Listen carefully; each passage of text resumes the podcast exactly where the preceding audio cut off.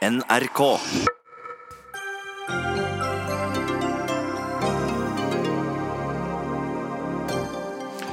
Ulf Leirstein forlater Frp etter 30 år, samtidig som et nytt varsel mot stortingsrepresentanten er kjent. Løser han nå først og fremst et problem for sitt gamle parti? 100 000 passasjerer er så langt rammet av streiken blant SAS-pilotene. Det er himmelhøy avstand mellom partene. Regjeringen endrer reglene for private barnehager, men blir de mer spiselige for venstresiden av den grunn? Og forslaget om et nasjonalt persondataregister for alle fire- til seksåringer i barnehagene sammenlignes med noe som gjøres i totalitære stater av professor.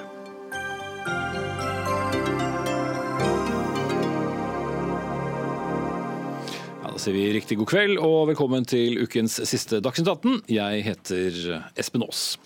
Ja, Nyheten om at stortingsrepresentant Ulf Leirstein fra Østfold meldte seg ut av Fremskrittspartiet etter 30 år, sprakk i morges her i NRK.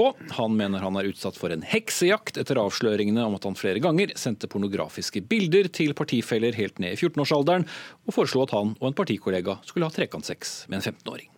Samtidig er det kommet nok et varsel på den samme Leirstein, et varsel på en sak som ligger sju til åtte år tilbake i tid. Dagsnytt 18 har invitert Leirstein til studio, men han har ikke besvart invitasjonen. Men Hans Andreas Limi, du er parlamentarisk leder for Fremskrittspartiet, som betyr at du er sjefen for de som sitter på Stortinget og ikke er en del av regjeringen. Denne gruppen har nå gått fra 27 til 26, blir det vel.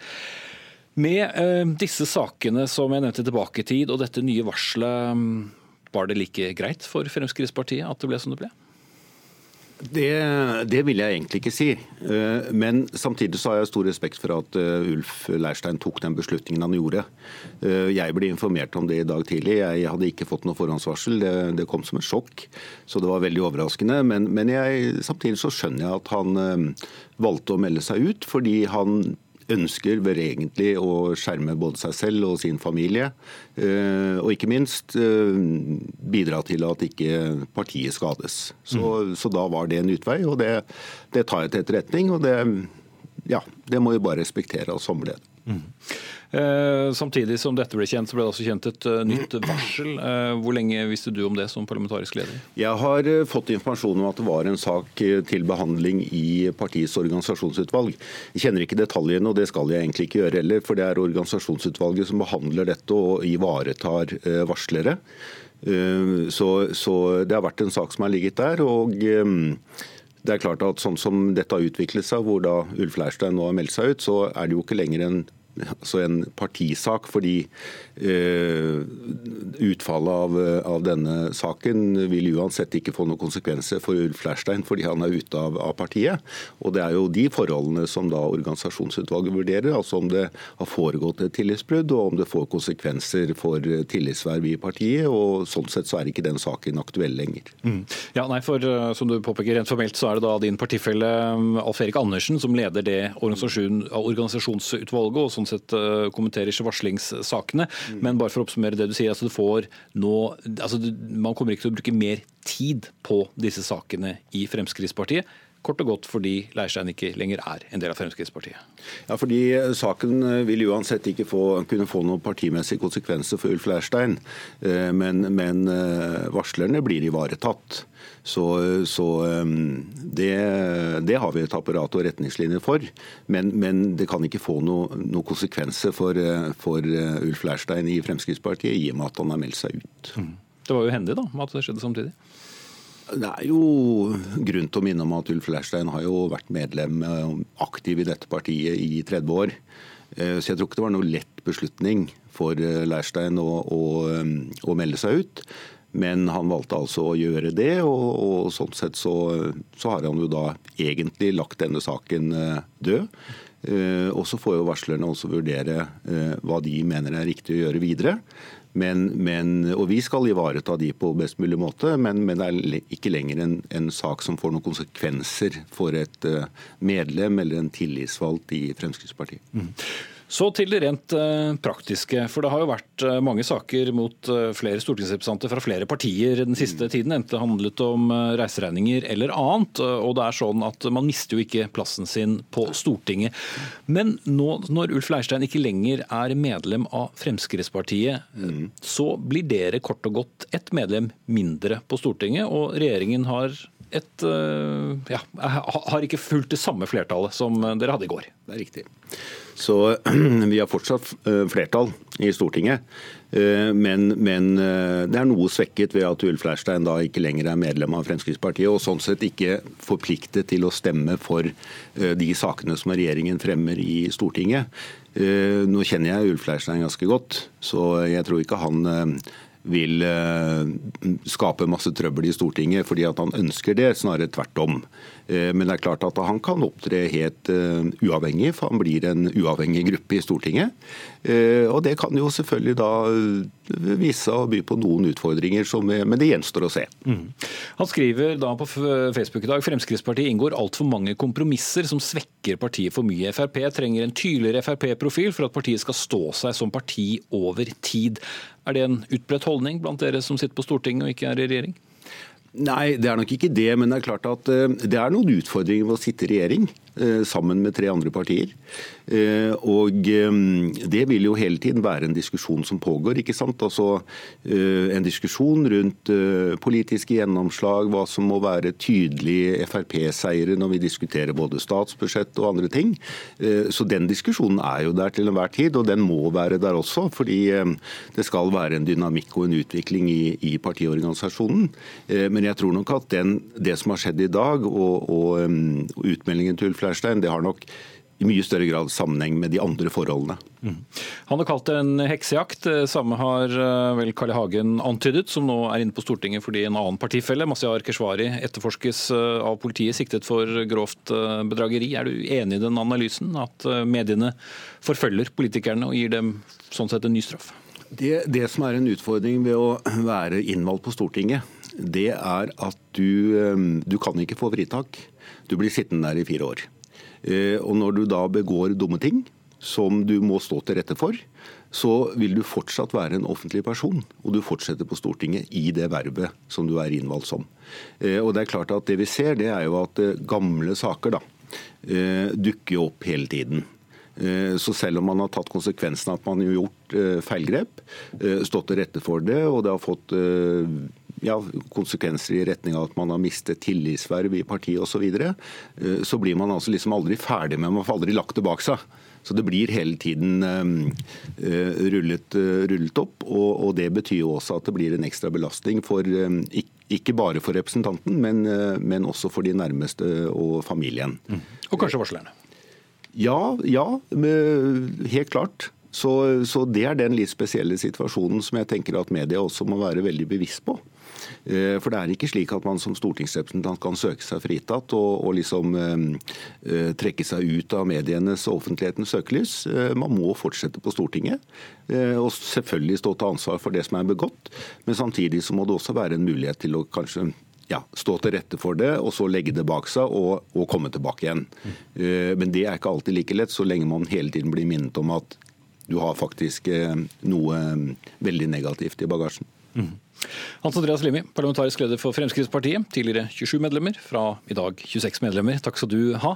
Så skal vi snu oss til uh, vår politiske kommentator Magnus Takvam, som er med oss uh, fra Stavanger. Uh, begynner med å spørre om selve dette varselet, Magnus Takvam. Hva, hva vet vi om det?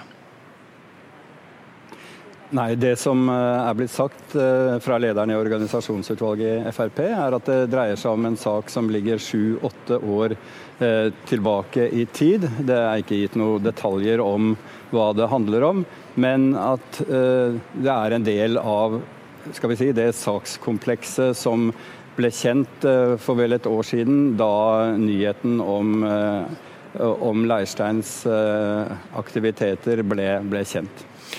Leirstein-saken, eller sakene snarere, er jo en av eh, flere eh, hodepiner for partiet gjennom lang tid. Eh, løser det noen problemer for partiledelsen at han nå velger å trekke seg? Ja, det er klart.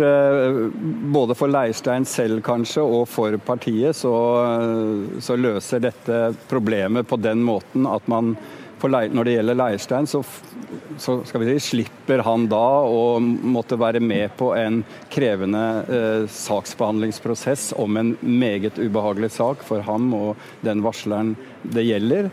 Og hvordan eh, beslutningen om at han skulle melde seg ut eh, kom i stand, det vet man ikke 100% men en Uh, mulighet er jo at man kanskje har startet den mer uformelle undersøkelsene omkring saksforholdet. Uh, og at uh, Leirstein har skjønt at det kunne ende med en eksklusjon. og at han i stedet da valgte å melde seg ut. Dette er selvfølgelig bare antagelser, men man skal ikke se bort fra at det kan ha vært forløpet. Frp har jo fått kritikk for å ha tatt for lett på denne typen saker i, i, hvert fall startfasen av metoo-hendelsene i, i, Norge. Og det siste, eh, eller på, på, et landsstyremøte i Frp har man da, eh, slik man selv sier det, tatt hensyn til dette, har eh, vedtatt å skjerpe inn både reglene og praksisen når det gjelder å slå ned på den typen hendelser. Slik at uten eh, denne utmeldelsen så ville nok dette da ha blitt en slags prøvestein på om, om eh, nye, denne nye linjen fra Frp ville ha skal vi si, slått til i praksis. Mm. Men er det da helt uproblematisk det som skjer? Altså En, en representant får et uh, varsel mot seg selv, så melder han seg uh, ut av partiet, og dermed så er på en måte saken ferdig for hans del? Nei, det er eh, mange som nok mener at dette er, eh, er betenkelig. Altså, det aller eh, viktigste er eh, for det første at varsleren blir tatt godt vare på. Det vil alle være enige om. Og eh, FrPs leder av organisasjonsutvalget sier at der har de rutiner som, som eh, sørger for det. Men det er klart at regelverk mot seksuell trakassering i politiske partier har ikke bare som formål å konkludere med sanksjoner mot den det gjelder, hvilke de skal være. Det er også et meget viktig formål å bidra til å gjøre arbeidsmiljøet i eh, partiet eh, gode nok og at det er trygge forhold for de som deltar i politisk aktivitet. Og Da vil nok en del kunne hevde at hvis man liksom ikke går inn i saken, i dette tilfellet f.eks., så mister man da muligheten til å fange opp om det er sider av det som har skjedd, som partiet burde lære av å rette opp. Men det er selvfølgelig veldig vanskelig å vite uten at man har fullt innsyn i det konkrete innholdet i, i denne saken. Da sier vi takk til deg, Magnus Takvam. Og Stortinget var eh, raskt ute med å foreta endringer på sine hjemmesider eh, i dag. Ulf Leirstein står ikke lenger oppført på listen over Fremskrittspartiets eh, stortingsrepresentanter lenger. Skal du finne ham, ja, så står han nå som uavhengig. Dagsnytt 18 alle hverdager klokka 18.00 på NRK P2 og NRK2.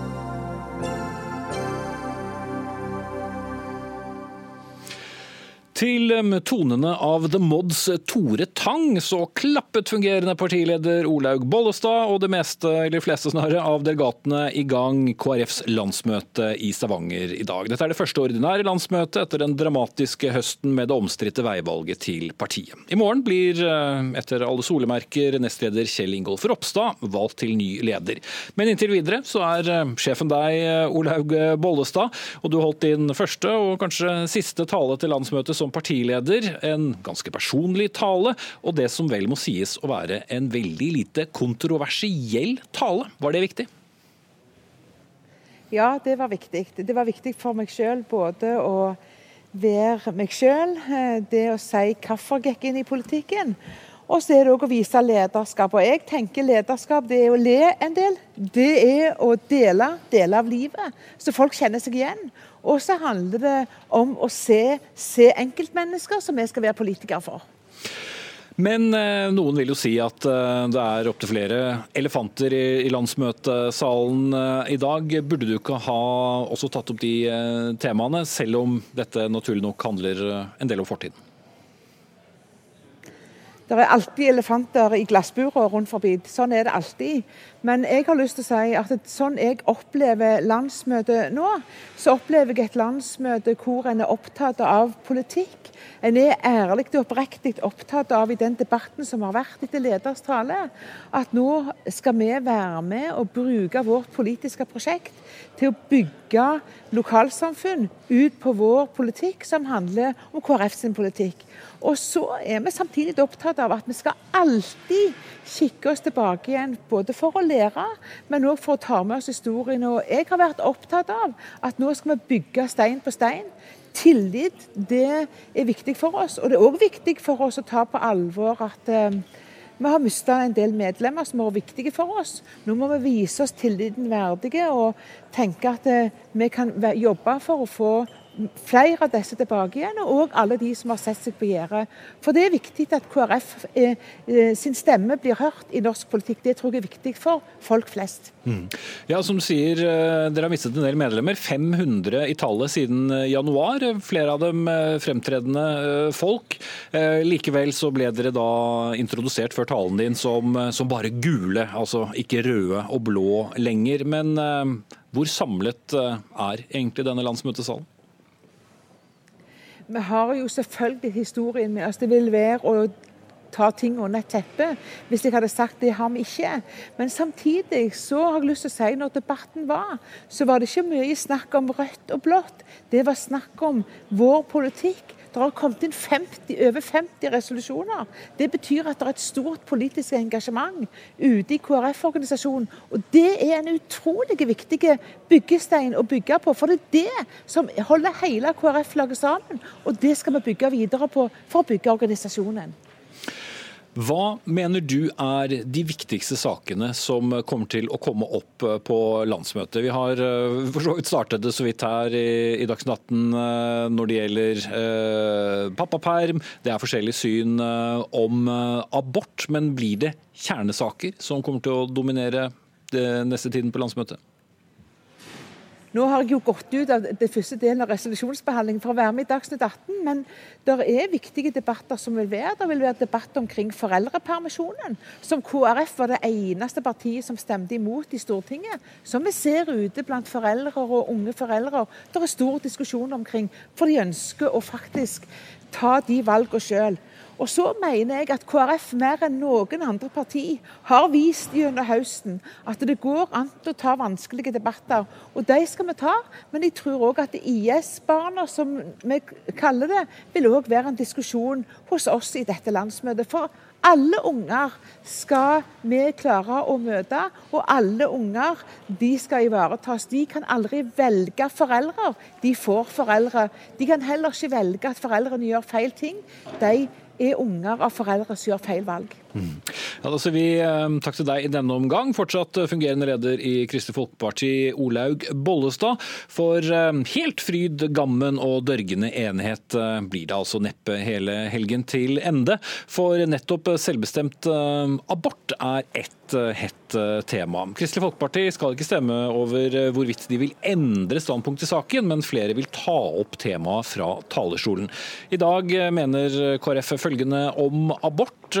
En ny lov skal legge fosterets rett til liv til grunn, og alle avgjørelser knyttet til liv og helse tas i dialog mellom pasient og lege. Og Forhåpentligvis er du med oss fra landsmøtet, Marie Jones Brekke, som er andre vararepresentant eh, for Rogaland, altså fylket dere er i. Eh, betyr det da at dere ideelt sett ønsker å stanse kvinners rett til selvbestemt abort?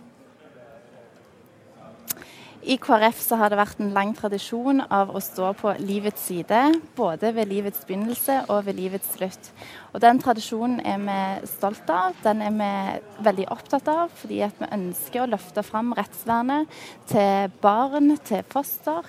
Eh, så vi ønsker å verne om livet om eh, barnet er tre uker, tre måneder eller tre år, eller om det er gamle mennesker. Det er noe som vi ønsker å gjøre, selv om vi vet at dette er problematiske situasjoner som mange kvinner opplever.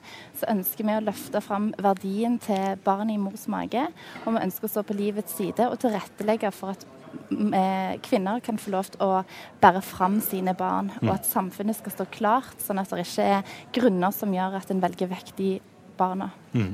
Men det å stå på livets eh, side, Brekke, det er vel en, en annen måte å si at man vil fjerne kvinners rett til selvbestemt abort på? Ja, det er to hensyn som står mot hverandre. Og vi ønsker å både stå på barnets side, for vi ser på en graviditet som to individer. Det er et individ i magen, og det er et individ som skal bære fram dette barnet. Og vi ønsker både å stå på barnets side, men vi ønsker også å stå på kvinnens side. Og noen ganger er de hensynene motstridende. Og da ønsker vi å løfte fram eh, barnets verdi, sånn at eh, kvinnen kan få hjelp og støtte til å bære fram det barna. Vi ønsker å redde så mange som mulig. Vi ønsker å ha så mange som mulig som ønskes velkommen, til tross for vanskelige omstendigheter som mange kvinner opplever. Mm. Ved din side står eh, Erik Næss, varaordfører i Skien for Kristelig Folkeparti. Du ønsker derimot at partiet ditt skal gå bort fra standpunktet som jeg refererte til i sted, og anerkjenne godkjenne dagens abortlov. Hvorfor det? Ja, Norge må ha en abortlov. Uh, uansett hva slags abortlov vi har, så kommer det til å foretas aborter i Norge. og Før vi fikk denne loven vi fikk i dag, som er fra 70-tallet, så var det jo et nemndsystem. Det mener jeg er et dårligere system. Det ivaretar ikke kvinnen og familien uh, så godt som den loven vi har i dag. og Dessuten så er dette en lov som har stor støtte i norsk befolkning. Det er fordi at det er en god lov. Eh, og så mener jo ikke jeg eller noen andre i KrF at vi skal heve grensa. Det er ikke noen gode alternativer. Et forbud ville vært helt utenkelig. Eh, Irland fikk sin abortlov for noen få år siden, og fram til da så eksporterte de jo aborter, eller det ble utført illegale aborter, og det mener jeg eh, alle de løsningene er mye dårligere. Så jeg mener det er best for KrF og for folket at vi anerkjenner den loven. Og så har det også et sånt strategisk og, og realpolitisk sikte. altså KrF når ikke fram, og, og, dette blir stående i veien for veldig mye av den andre gode politikken vår. Og, så du vil heller, du vil heller tekkes velgerne enn å, å stå på et standpunkt som dere har hatt gjennom så mange år? Nei, som jeg sa innledningsvis, så mener jeg prinsipielt at dette er en god lov som tjener befolkningen på en god måte. Det har vært debattert hvorvidt grensen skulle økes. Det ønsker jo ingen i KrF. Og Hver gang debatten kommer opp, så kommer også det spørsmålet. Jeg tror det er folket, og også KrFs politikk, har best av at det er ro omkring den loven. og Da bør vi anerkjenne og akseptere at det er den loven vi skal ha. Mm. Og la kvinner ha eh, selvbestemmelse på abort? Ja, Noen må bestemme. Tidligere var det en nemnd. Nå er det kvinnen, så noen må bestemme. og Da tror jeg at det er best at, det, eh, at kvinnen og kvinnen søker råd hos familie, hos eh, helsevesenet, og får sine råd der, men til syvende og sist. Og de legger sikkert kvinner flest eh, en del vekt på, men til syvende og sist så skal de sjøl vite hva de ønsker og hva som er riktig. Fordi jeg tror ingen, verken politikere eller, eller de kvinner som velger abort, tar lett på dette. Det er en vanskelig sak, det er krevende. Og, og da, da, tror jeg at det er denne loven som tjener eh, Norges folk på, på, best mulig måte. Mm. Noe du da er eh, uenig i, Marie Jonis Brekke. Men eh, rapporter fra latinamerikanske land hvor aborter er ulovlig, viser jo at kvinner likevel finner måter å gjennomføre abort på, via ulovlige abortpiller f.eks. I Brasil blir det foretatt rundt en million ulovlige aborter hvert år, og Latin-Amerika er faktisk den regionen med verdens høyeste aborttall. Så hva er poenget med å gjøre det vanskeligere? Ja, jeg tror det illustrerer et veldig godt poeng. Jeg tror at forutsetningen for å bære fram et barn er veldig ulikt der og her hjemme. Jeg tror at vi har et samfunn som langt bedre evner å ta imot de ungene som òg kommer til verden under vanskelige omstendigheter. Og det skal vi støtte opp om. Og vi skal stå på livets side, og vi skal gjerne stå på livets side sammen med de som har det tøft og vanskelig. Og vi skal stå på livets side sammen med de som syns det er lett å bære fram det barnet. Og jeg tenker at eh, politikken eh, og de reglene og lovene som vi legger opp til, dette, de er med å prege våre holdninger til dette. Og jeg tror at det er viktig at våre lover setter et tydelig eh, signal, og gir et tydelig signal på verdien til fosteret helt fra begynnelsen av. Fordi at dette er verdifullt. Dette er så verdifullt at det bør vernes mye sterkere enn det det gjør i dag. Mm. Hvordan det lovverket ser ut, det er jeg usikker på, men jeg tror det bør vernes mer. Mm. Men eh, du får jo ikke noe flertall for eh, en eh, sånn lov, så hvorfor stå på det samme standpunktet? Standpunktet når verken stortingsflertall eller folkeflertallet ønsker det samme som deg? Nettopp derfor er det jo så utrolig viktig at vi har KrF som eh, kan løfte fram eh, livet i den fasen der, fordi at vi er alene i norsk politikk om det. Men ting kan endre seg. Jeg tror at mennesker i dag får enda mye mer øyne opp for det unike som ligger der, potensialt et menneske. Og jeg tror at alt det som vi kjenner til av ultralyd og alt det som kan gjøres for å se dette barnet, for å kjenne dette barnet, det gjør òg at vi øker vår bevissthet. Og jeg tror at ting, holdninger i samfunnet kan endre seg, og da er KrF klar til å være med og gjøre de endringene som jeg syns ville vært bra. Mm. Eh, Erik Ness, eh, for mange av dine partifeller så handler jo da abort, som vi for så vidt hører her, eh, om et helt sånn sentralt samvittighetsspørsmål. Burde de gå på akkord med sin egen eh, samvittighet for å ja, tekkes eh, velgergrupper? Jeg har veldig respekt for de som har et radikalt abortsyn. Fordi at de har det ut fra eh, hensynet til barnet, de har omsorg for det ufødte liv. Eh, og Det syns jeg er en, veldig god verdi, og det synes jeg er en veldig god motivasjon for å drive politikk. Det er jeg også. Jeg tror eh, Marie og jeg og alle andre KrF-ere er veldig glad for den regjeringsplattformen vi har fått til, der vi har fått gjennomslag for en god del viktige politiske saker som nettopp gir den støtten som Marie snakker om, som, som hjelper mennesker som får barn med funksjonsnedsettelse. Denne koordinatorgarantien som vi trenger Eh, finansiering til, den vil være kjempebra når vi får innført den. Da blir det lettere å, å ha eh, barn med funksjonsnedsettelser, sterke funksjonsnedsettelser i familien. De får hjelp av kommunen. Eh, omsorgslønn og ikke avkorting av omsorgslønn. Veldig ja. viktige saker. Og jeg tror at ab abortspørsmålet, når det kommer på dagsorden, det, det, stenger litt for den andre politikken. Det, det blir støy på linja, grov støy. Eh, så jeg vil heller bruke energien i, eh, KrF på å jobbe for de sakene. Mm. Og nå har vi fått gjennomslag for de, og nå skal de finansieres eh, okay. gjennom de neste åra. Det ser jeg fram til. Det er god KrF-politikk. Det er det, det notert. Er Erik Næss, varaordfører i Skien for KrF, og Marie Jones Brekke, andre vararepresentant for Rogaland. Og landsmøtet det avsluttes på selveste hviledagen på søndag.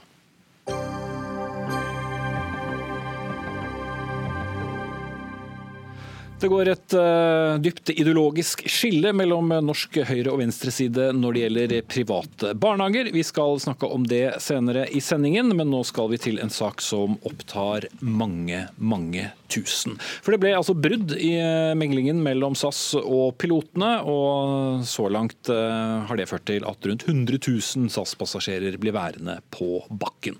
Og Det er ventet at over 170 000 passasjerer blir rammet i løpet av helgen. Det handler om bedre arbeidsvilkår og høyere lønn for pilotene. Og Katinka Riksår Sporsem, du er generalsekretær i Norsk Flygerforbund. Når sov du sist? Det var i går morges. Tidlig i går morges. Men, um, men, minn oss på, hva er det som er kort det aller viktigste, som er altså så viktig for dere at dere nå velger å gå ut i konflikt? Dette her det er streiken eh, som vi i det lengste forsøkte uh, å unngå. Vi gikk uh, inn i denne meklinga med reell, et reelt ønske om å oppnå enighet. Vi snudde hver stein, vi la frem løsninger. Mm. Men selve kravene, altså alle vil jo ja, Det som har vært aller viktigst for oss i disse forhandlingene, det er å skape en forutsigbar arbeidsdag for SAS-pilotene. Det å vite når du skal på jobb, og hvor lenge du skal kunne være på jobb, er det jo veldig veldig mange som vil mene er en selvfølge. Det er ikke selvfølgen for majoriteten av SAS-pilotene i dag. De vet ikke eh, hvordan arbeidsdagen deres vil se ut. De vet ikke hvordan fritida deres vil se ut. Eh, og det umuliggjør jo også å kunne planlegge et Eh, familieliv, et privatliv, og kunne gjøre det som eh, vi eh, andre arbeidstakere gjør. Dra på turer med kone, mm. familie og sånn. Sånn at det har vært vårt fremste krav i mm. denne forhandlinga. Noen har pekt på og regnet ut at deres krav tilsvarer en lønnsøkning på 13 denne, eh, dette her handler ikke om lønn. Eh, som jeg sa, Men det koster jo å endre på vilkår? Ja, vi har, eh, vi har, lagt fram et krav om eh, det som handler om eh, merket, som har vært på 3% Så har vi også pekt på at SAS-pilotene i eh, vanskelige tider for selskapet, da SAS lå nede med brokken rygg, eh, tok betydelige lønnskutt, eh, kutta i pensjoner, bidro til å få selskapet på fote igjen.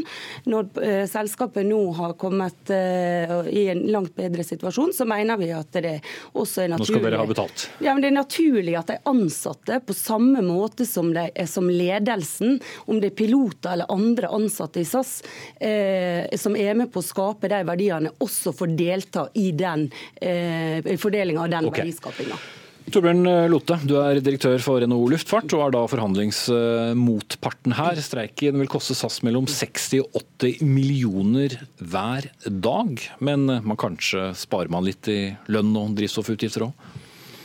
Ja, man sparer jo litt, eh, men først og fremst så taper man. Og man taper veldig mye. og Det man skal huske på, det er at SAS er konkurranseutsatt. De konkurrerer i et tøft marked i Norge og i Europa. Vi skal kun eh, noen få år tilbake så sto SAS på konkursens rand. Og En årsak til det var at lønns- og arbeidsvilkårene for de ansatte i SAS lå langt over det som var normalt i arbeidslivet for øvrig. Det tok man en gjennomgang på og gjorde tilpasninger på det, fremdeles til et godt lønnsnivå og til gode arbeidsvilkår langt innenfor de myndighetsbestemte kravene som gjelder for flygere. Men hvis man sammenligner med andre selskaper, hvordan ligger, SAS-pilotene an? Da ligger SAS-pilotene på god bransjestandard. En flykaptein med toppansiennitet har en grunnlønn på 1,2 250 millioner kroner. Det er en ganske god betaling i norsk arbeidsliv. En, pilot, en styrmann som har toppansiennitet, ligger også på over en million. Eh, I tillegg så har man diettordninger, og en del flyr en del ekstra osv.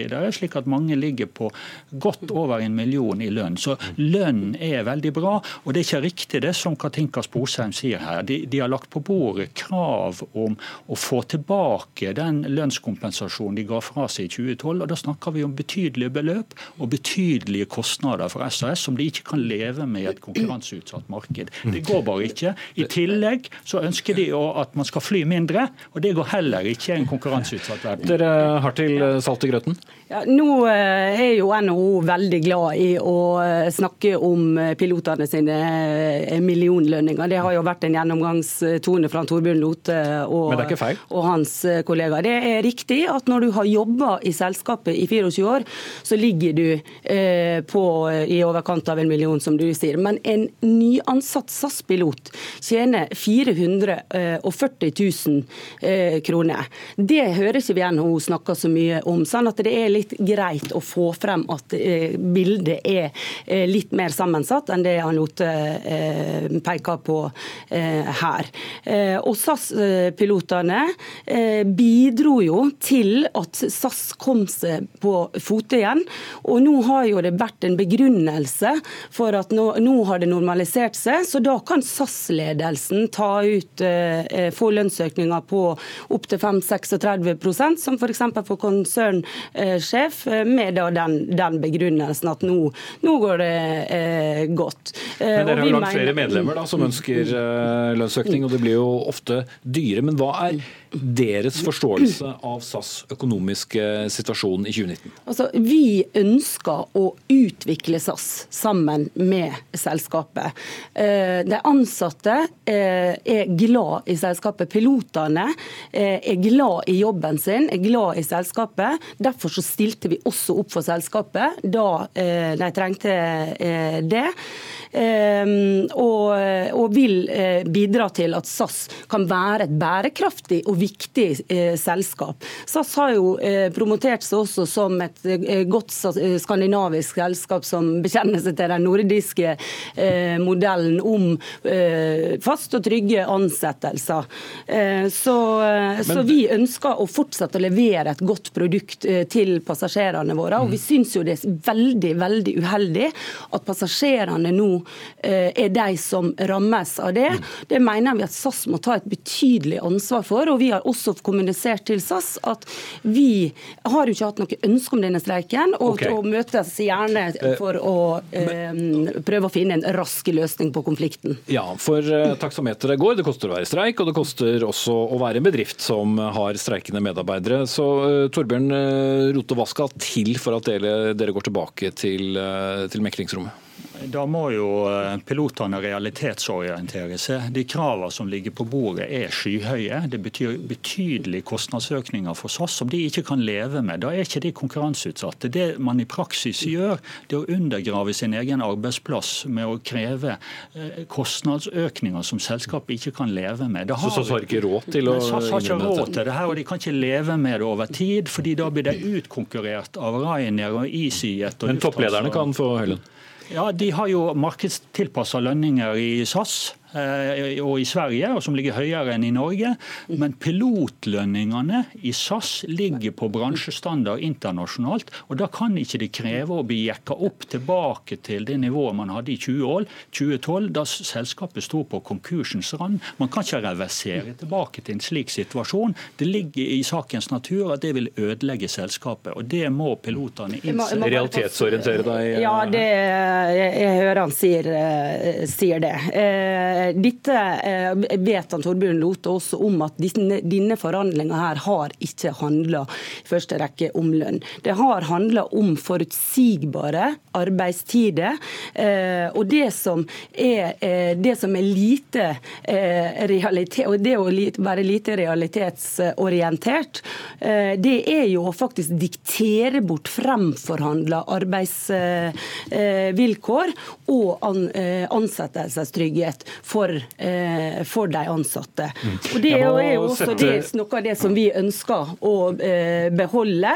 Og Det er ikke et krav, vi bare vil beholde det sånn som, eh, sånn som det er. Sånn at pilotene kan fortsette å gjøre det som de er aller best på, og det er å fly folk trygt frem til destinasjonene sine. Hvor stor støtte tror dere har i befolkningen?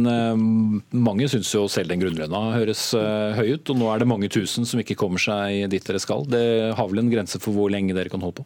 Vi, eh, vi, opplever at vi har eh, stor støtte. Eh, det er en stor forståelse ute blant folk og de tilbakemeldingene som vi får, på at det å vite hvor tid du skal på jobb, vite hvor lenge du er, kan jeg være med familien min, det er det som er ganske Og de har du gjentatt noen ganger nå. Men det er viktig. Ja, takk skal du ha, Katinka Riksøs Sporsem, generalsekretær i Norsk Flygerforbund, og takk til Torbjørn Lote, direktør i NHO Luftfart, som altså er forhandlingsmotparten. Økonomikommentator her i NRK Cecilie Lange Becker, du har fulgt meglingen og streiken i dag. Hva slags posisjon er SAS i denne streiken? Altså, SAS er jo i, i, i, en sterk posisjon i den forstand at de er i god økonomisk form. I fjor leverte jo selskapet det beste resultatet i, i historien, etter å ha vært på konkursens rand, som vi har hørt flere ganger her i 2012. Så det betyr at de, de tåler jo å stå i streiken en liten stund. Men på den andre siden så betyr jo det, hvis man da ser på forhandlingsposisjonen deres, at de er såpass solide at pilotene som Sporsem var inne på her, de forventer et godt lønnsoppgjør etter mange år med moderasjon. Og de mener at det er naturlig å ta del i den økonomiske veksten og den økonomiske suksessen som SAS nå har blitt. Og Hvis man skulle bruke minuser og plusser her, har, har SAS råd til det? Ja, Det er jo det store spørsmålet. Det koster SAS da flere titalls millioner kroner hver eneste dag denne streiken pågår. og Det betyr jo at på to uker, kan, på to uker med streik så kan hele overskuddet fra 2019 være visket bort. Så alvorlig er det. Og så er spørsmålet har SAS råd til å avblåse denne streiken og innfri kravene til pilotene. Det er heller eh, tvilsomt. Dersom de skulle innfri eh, alle disse kravene til pilotene, så pådrar de seg jo enorme kostnader også inn i fremtiden. Og det, Da vil de jo sette selskapet inn i en svært vanskelig økonomisk situasjon. Så her, det er partene her de står veldig langt fra mm. hverandre. Mm. Uh, også når det gjelder virkelighetsbeskrivelsen. Vi hører arbeidsgiversiden snakke om en noen kvart million i årslønn, og så sier fagforeningen at nei, men hør nå her, nyansatte de tjener uh, langt mindre. Uh, er det også da en plan fra SAS side at på sikt at man vil få ned de totale lønnskostnadene? De som tilhørte det gamle SAS, da flybransjen uh, hadde gode tider, blir etter hvert pensjonister, og så vil man da jevnt over, ideelt sett, sett med en arbeidsgiverside, ha lavere lønninger på pilotene som kommer til? Ja, det, det, kan jo, det, kan jo, godt hende. Og så er det jo, Når man diskuterer også sånn i forhold til en streik, så blir det jo litt sånn eh, kampen om opinionen, kampen om virkelighetsbildet. Eh, og så opererer man med litt, eh, litt ulike tall her. Men det som er fakta, det er jo at pilotlønningene de er høye. Det som også er fakta, er at eh, pilotene de tok lønnskutt og de gikk med på oppsigelser i 2012 for å være med på å berge selskapet, og også berge selvfølgelig sine egne arbeidsplasser. De hadde jo ikke hatt noen arbeidsplass å gå til hvis selskapet hadde gått eh, over ende. Så, så begge parter har på en måte rett eh, her, men jeg opplever jo her nå at, at, det ser ikke ut som at en løsning på streiken er sånn rett rundt svingen, i hvert fall. Mm. Takk skal du ha, Cecilie Lange Becker, økonomikommentator her i NRK. Det er mye som ikke flyr denne helgen, bl.a. tiden for de som skulle reist av gårde.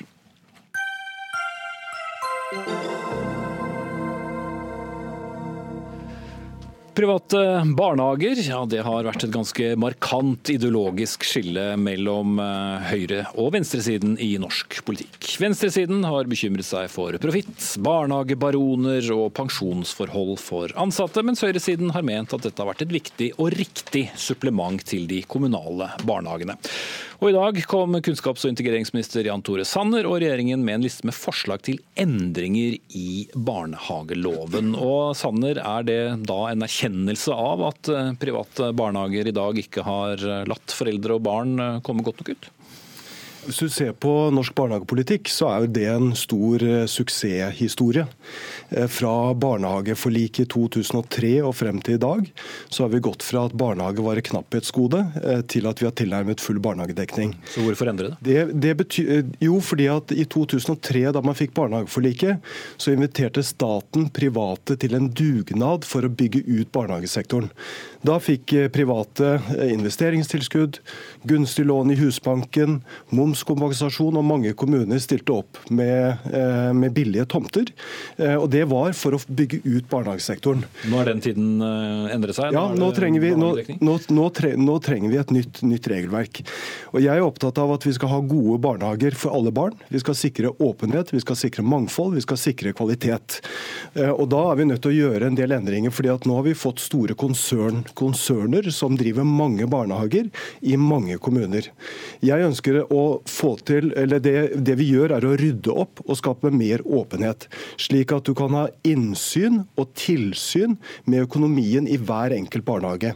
Det betyr at alle barnehagene nå må føre et årsregnskap eh, som sendes til Brønnøysundregisteret. Det betyr at foreldre vil ha innsyn, kommunen vil ha innsyn og staten vil ha, innsyn.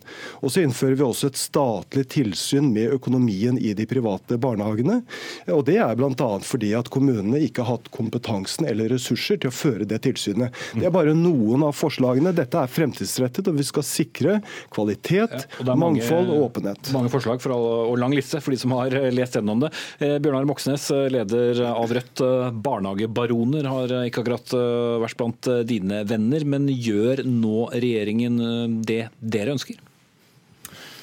Tonen er en helt annen. De har flyttet seg langt i vår retning retorisk. De innser problemene med kommersialisering av barnehagesektoren, som vi har snakket om i eh, mange år. Eh, og det er vel og bra, men de løser jo ikke hovedproblemet, som er at store summer skattepenger hvert eneste år forsvinner ut av barnehagene, vekk fra barna og går til privat berikelse. I 2017 over 1 milliard kroner i overskudd, hvor altså 7,6 av overskuddet ble igjen i barnehagene. Resten tok eierne ut i form av både utbytte og konsernbidrag. Nå blir det mer transparent og åpent. Det er bra, det skulle bare mangle egentlig, at de fører regnskap. og Det er jo egentlig en selvsagthet. Men, men, men det prinsippet som Høyre står for i skolepolitikken, nemlig at man skal ha utbytteforbud for å sikre at alle pengene som går til skole, går til elevenes beste, det prinsippet som vi støtter når det gjelder barnehager, det ble ikke innført dessverre av Sanner. Tvert imot så er det fortsatt fritt fram eh, for disse velferdsprofitørene for å hente penger ut av barnehagesektoren, selv om det kommer noen fornuftige og helt åpenbare eh, selvsagte innstramninger, så er det altså ikke godt nok etter vårt syn, fordi det ikke stanser profittuttaket fra barnehagene, som er et stort problem, som også både svekker skatteviljen og som tapper tapper sektoren for viktige ressurser. Kom igjen, eh, Sander, må svare på det. Nei, altså Når man spør eh, partiet Rødt, eh, som vil fortsatt kalle seg et kommunistisk parti, eh, om eh, en borgerlig regjering gjør, gjør, nok i kampen mot private barnehager, eh, vel, svaret er ganske opplagt. Rødt ønsker en kommunalisering av de private mm. barnehagene. Det er ikke bare Rødt som har vært bekymret over jo, at det blir tatt ut jo, store penger jo, men, av private barnehagekonsern? Ja, altså hvis du ser på, hvis du ser på driftsmarginen i private barnehager, så er den på 5-7 og det er likt med hva du har i andre bransjer. Og så har det vært noen er, som har tatt ut mer? Jo, altså, eh, Utbytte er ikke det store problemet. Det som har vært Det er helt enig i. ja, Det er profitten som er det. det nei, altså, Profitten, fortjenesten, Jo. er jo tre ganger større enn fortjenesten på Oslo Børs. Det sier rapporter fra BDO, som du selv har bestilt Jo, og fått ja, ja. til departementet. Så den enorme fortjenesten er Men problemet. vi kan Den- la la vi kan, godt ta en diskusjon rundt det. Altså når, når eh, kapitalandelen er liten, så blir også kapitalavkastningen høy. Det som, det som man ser på en del av, av, de, av overskuddene i private barnehager, det skyldes jo at man på begynnelsen av 2000-tallet hadde gunstige ordninger med billige tomter osv. Den historikken har vi tatt. Jo, men den er, den er viktig, fordi at den, den forklarer jo Jeg tror ikke engang partiet Rødt ønsker å konfiskere eh, de fordelene som de fikk tidlig på 2000-tallet. Det vi må sikre, det er, eh, og dette er viktig, vi skal sikre gode barnehager for barna. Vi skal sørge for at det er mulig å drive private barnehager. og vi skal ha men Før jeg gir Bjørnar Moxnes ordet, så vil jeg ha inn da private barnehager. Og Anne Lindboe, du er nå administrerende direktør i Private barnehagers landsforbund. Var dette noe dere ønsket? Absolutt. Og det er klart at eh, det å, å finansieres av, eh, av skattepenger og foreldrebetaling, det forplikter. Eh, Og vi ønsker å ses i kortene og er veldig glad for de forslagene til regulering som regjeringen nå kommer med. Spesielt dette med at det skal være et uavhengig tilsyn som skal kikke oss i kortene. Det skulle bare mangle. Men så er jeg litt uenig da, i Moxnes som beskriver hovedproblemet at noen tjener penger på barnehager. For jeg syns at hovedproblemet, eller det viktige her, det er å ha barnehager av god kvalitet. Det er det som betyr noe for barna. Det er det som betyr noe for Men da mener jo foreldrene. Moxnes at disse pengene bør pløyes tilbake i Ja, men, men hele realiteten med barnehagesektoren i dag, det er at eh, Foreldrene er svært fornøyde med de private barnehagene. Eh, vel så fornøyde som med de eh, kommunale.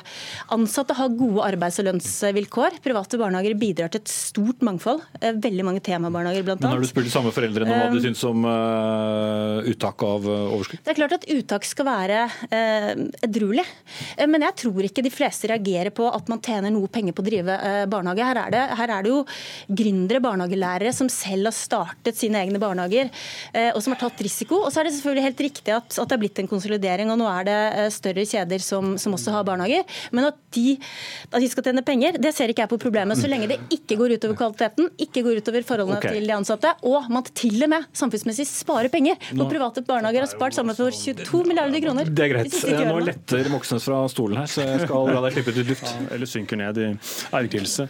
Dette er PBLs sedvanlige utflukter. For det første vet vi at eh, da to av eierne i Norlandia solgte seg ut for et par år siden, fikk de altså 250 millioner kroner hver, en halv milliard skattekroner i fortjeneste ved å selge seg ut av Norlandia, et stort barnehagekonsern. For det andre er det sånn at mangfold i barnehagesektoren sikres jo både av et mangfold av forskjellige kommunale barnehager, men også av det, ikke minst av de private ideelle barnehagene.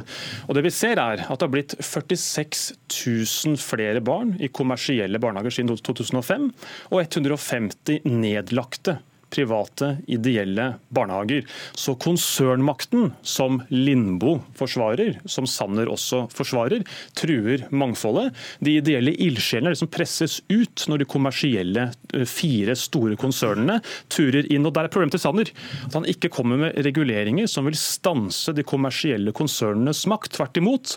Så det kan bli enklere å etablere barnehager. Det kan bli enklere for de store å kjøpe opp nye barnehager. Altså mot å la kommunene ha forkjøpsrett til, til barnehager som skal, som skal selges. Slik at de, de store kommersielle konsernene kan vokse seg enda større og berike seg en ytterligere på barnehagene, som jeg tror foreldrene jevnt over Er ganske mot. er det riktig, Sanner, at de ikke endrer noe i så måte? At, Nei, det er helt eh, feil. Det er helt feil fordi at det vi gjør, det er at vi nå rydder opp i regelverket. Eh, Man har hatt et regelverk som er tilpasset en periode hvor du skulle bygge ut barnehagesektoren. Nå lager vi et regelverk hvor vi rydder opp, ikke minst eh, i forhold til, til konsernene, ved at hver enkelt barnehage må være et eget rettssubjekt. Det betyr at årsregnskapet må sendes til Brønnøysundregisteret, og det gjør det, og du kan heller ikke, eh, og det er viktig, for det gjør at foreldre kan ha innsyn, at kommunen kan ha innsyn, at staten kan ha innsyn.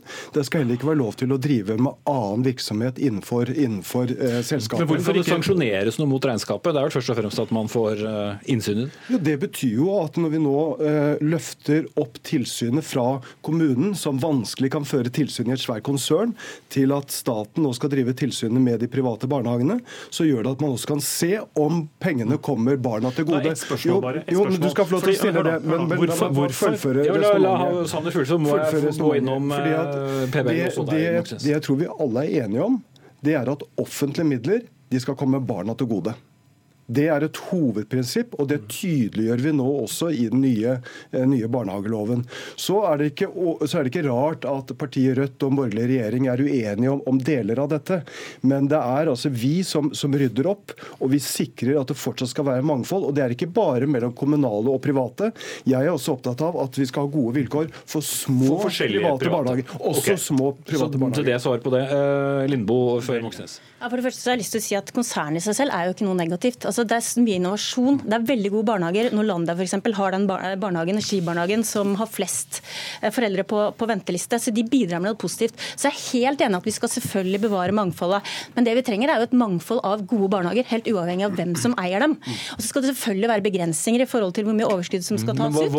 Det, det, er vi, det, er vi, helt enig i. Det må jo ligge på et, et, naturlig nivå, og det gjør det jo allerede på en måte i lovverket i dag. så står det Altså, I dag så ligger det på, uh, på overskuddet rundt 4 uh, eh, Det som tas ut i utbytte er veldig lite. Og så ja, så, så, så, er det en del som bygges opp så, som egenkapital i, i, barnehagene. Men det er også helt nødvendig for å få uh, en langsiktig og sunn drift. Vi kan jo ikke faktisk risikere at barnehager går konkurs. Men bare for å supplere. Jeg er enig at Du kan ikke ta et nytt poeng nå, for nå er tiden snart ute, og Moxnes står alene mot to, så han må få sitt som 4, 4 utbytte. Ja, som, som nevnt, 7,6% av overskuddet blir igjen i barnehagene. Resten tar de ut i form av konsernbidrag eller utbytte. Enorme summer. Våre skattepenger som skulle gå til barnas beste, tas ut av barnehagene. Og det blir ikke noen innovasjon av at noen investorer tar penger ut av barnehagene. Innovasjon får du hvis du lar de ansatte slippe til med sine gode ideer, hvis du har et mangfold av forskjellige eiere innenfor både kommunal og ideell privat regi, men ikke ved at du tillater at noen investorer tar penger ut av velferden. Det er det omvendte innovasjon. Det gir markedsmakt, det gir konsolidering, og det gir mindre mangfold og færre av de små barnehagene. Mm. Og den som trodde at vi skulle få og venstresiden helt samlet om private barnehager, vel, høringsfristen er i hvert fall satt til 26. juli, og regjeringen tar tar sikte på å komme tilbake til Stortinget med et nytt eh, lovforslag i løpet av året. Takk til Bjørnar Moxnes, leder av Rødt, Anne Lindboe, administrerende direktør i Private Barnehagers Landsforbund, og kunnskaps- og integreringsminister Jan Tore Sanner. Hør Dagsnytt 18 når du vil.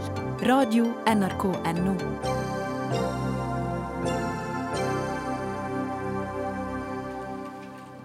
Vi skal eh, faktisk bli værende i eh, barnehagen, vi, men nå skal vi ikke snakke om eh, profitt.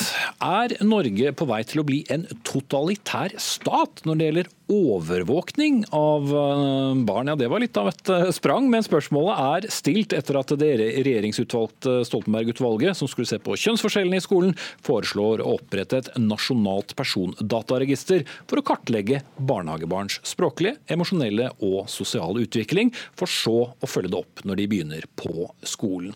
Men Jorunn Pil, du er professor ved Fakultet for lærerutdanning og internasjonale studier ved Oslo MET, og det var en kronikk i Klassekampen denne uken som du kalte dette for både udemokratisk og totalitært. Hvorfor det? Hovedgrunnen er at eh, personvernet, barnas personvern, egentlig blir eh, opphevet gjennom dette eh, forslaget som Eh, Stoltenberg-utvalget har lagt på bordet, hvis det blir iverksatt. Fordi de kartlegger barna? Eh, de skal kartlegge, som du sa, mentale, sosiale og emosjonelle trekk ved barnas utvikling. Dette skal de gjøre uten foreldrenes samtykke. Og personvernlovgivningen i Norge er streng. Personvernet er forankret i Den europeiske menneskerettighetskonvensjonen. Den er forankret i Grunnloven. Den er forankret i menneskerettighetsloven og loven om personopplysninger. Men Handler det da først og fremst om brudd på dette, eller hva mener du barna i så fall uh, taper på dette, utover det da prinsipielle? Når man innfører kartlegginger uh, når barna er fire år, seks år, i tredje klasse, i åttende klasse, hele veien opp gjennom skoleløpet, så vet man at det strukturerer arbeidet i barnehagene og skolene. Og det er hele poenget. Det er derfor dette forslaget kommer. Ja, for det er for en grunn. Det er for en grunn. Um, men det er ingen sammenheng, som utvalget påstår at det er, mellom en total kartlegging av alle barn og kvalitet i barnehagene. Og Det som er viktig å være klar over her, er at når jeg kaller dette et forslag om overvåkning av hele befolkningen, så er det fordi at denne kartleggingen den skal følges opp med at man kobler data om individene til data om helse, familiebakgrunn, arbeid og trygd gjennom hele livsløpet. Mm. Da skal jeg slippe til eh, Camilla Stoltenberg som eh, leder naturlig nok, Stoltenberg-utvalget. Hvorfor så mye og så mye omfattende informasjon? Jeg tror vi må ta ett skritt tilbake. For det første har vi ikke foreslått at vi skal lage et register med den type kartlegginger av barn eh, inkludert i registeret. Det vi har foreslått er å etablere et register med et minimum av opplysninger. og En god start kunne f.eks. være å samle noen av alle de opplysningene som allerede finnes rundt omkring i skoler, barnehager, kommuner, forskningsorganisasjoner osv., men som i dag er veldig vanskelig å bruke. Men de er der nå. Men hva da med personvernet, som eh, det er uttrykt bekymring for her? Jeg tror at personvernet vil bli bedre med den type løsning. Det må man se konkret på. Jeg, altså, jeg, tror det så sterkt at jeg vil si at det er veldig sannsynlig at det vil bli bedre enn det det er i dag. Fordi, Hvordan det? Jo, fordi Situasjonen i dag er at det finnes masse data. Ni av ti kommuner driver denne type kartlegginger allerede. Men vi vet ikke engang hva kvaliteten på kartleggingene er. For det finnes ingen enhetlig forståelse av hva slags kartlegging man skal ha rundt omkring i landet. Eh, hvor er de dataene? Hvor godt ivaretas de? Eh, og det finnes masse andre data fra tester som utvikles lokalt, som i dag er nesten utilgjengelige. og Derfor har vi ikke den kunnskapen. Men så er det ofte sånn at uh, Hvis man tar uh, data fra et sted, et annet sted, et tredje sted, så får man jo et mye større bilde. og Det er vel litt av det som, uh, som Pil her uttrykker bekymring for? Det er helt riktig.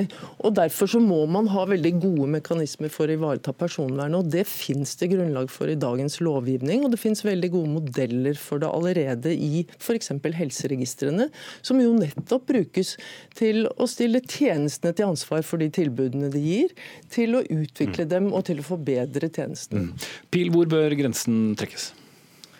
Så Det som er oppsiktsvekkende med dette forslaget, er to ting. Det ene er at man skal kartlegge hele årskullet. Og så skal den kartleggingen følges opp gjennom hele livsløpet. Dette har aldri skjedd før.